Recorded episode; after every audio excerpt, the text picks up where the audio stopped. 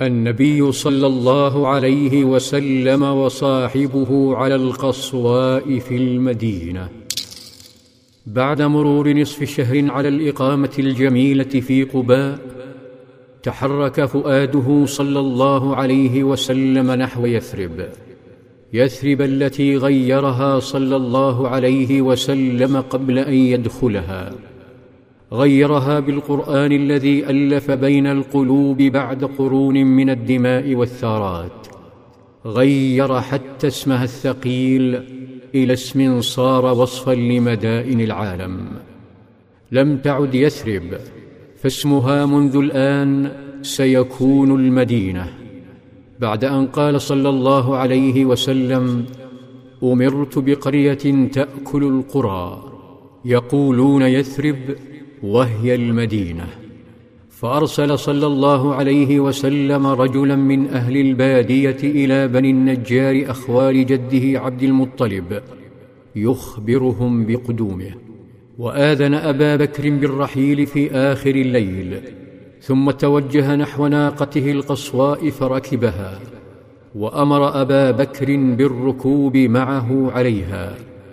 فسوف يدخلان معا كما خرجا معا. استويا على ظهرها فنهضت بهما وانطلقت بهدوء نحو المدينة. المدينة لا يثرب. وصل الخبر إلى بني النجار فغمرتهم السعادة وتنادت أسرهم وأبياتهم وقاموا إلى أسلحتهم. وخرجوا لاستقباله في ظلمة الليل. أفاقت المدينة على حركة وأصوات بني النجار وهم يمشون في الطرقات. فتحت الأبواب والنوافذ وأطل الراقدون على السطوح. فرأوا بني النجار ورأوا السلاح. فانطلقت الأسئلة تستوقفهم تستفسر عن هذه الهبة المفاجئة. فاخبروا الناس بقدومه صلى الله عليه وسلم. عندها ملأ التكبير أجواء المدينة وأيقظت صيحات الفرح طرقاتها وبيوتها واهتزت لها جدرانها ونخيلها. انطلقت آلاف الخطوات خلف بني النجار. ليس من ثنيات الوداع فثنيات الوداع في جهة أخرى. لقد خرجوا من جهة قباء. خرج الرجال والنساء والأطفال والخدم.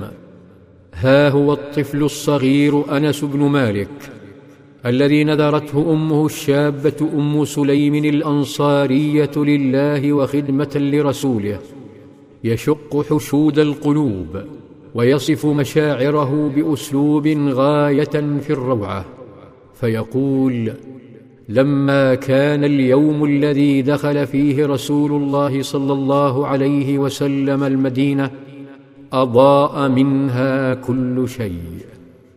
نبي الله صلى الله عليه وسلم يشرق على المدينة وأبو بكر خلفه بقلبه وروحه وجسده وماله وكل ما يملك. يصف الصديق مشهد الزحام والركض والفرح. وهو على ظهر القصواء فيقول مضى رسول الله صلى الله عليه وسلم وأنا معه حتى قدمنا المدينة فتلقاه الناس فخرجوا في الطريق وعلى الأجاجير أي الأسطح فاشتد الخدم والصبيان في الطريق يقولون الله أكبر. جاء رسول الله. الله أكبر. جاء محمد صلى الله عليه وسلم. في ظلال السيرة.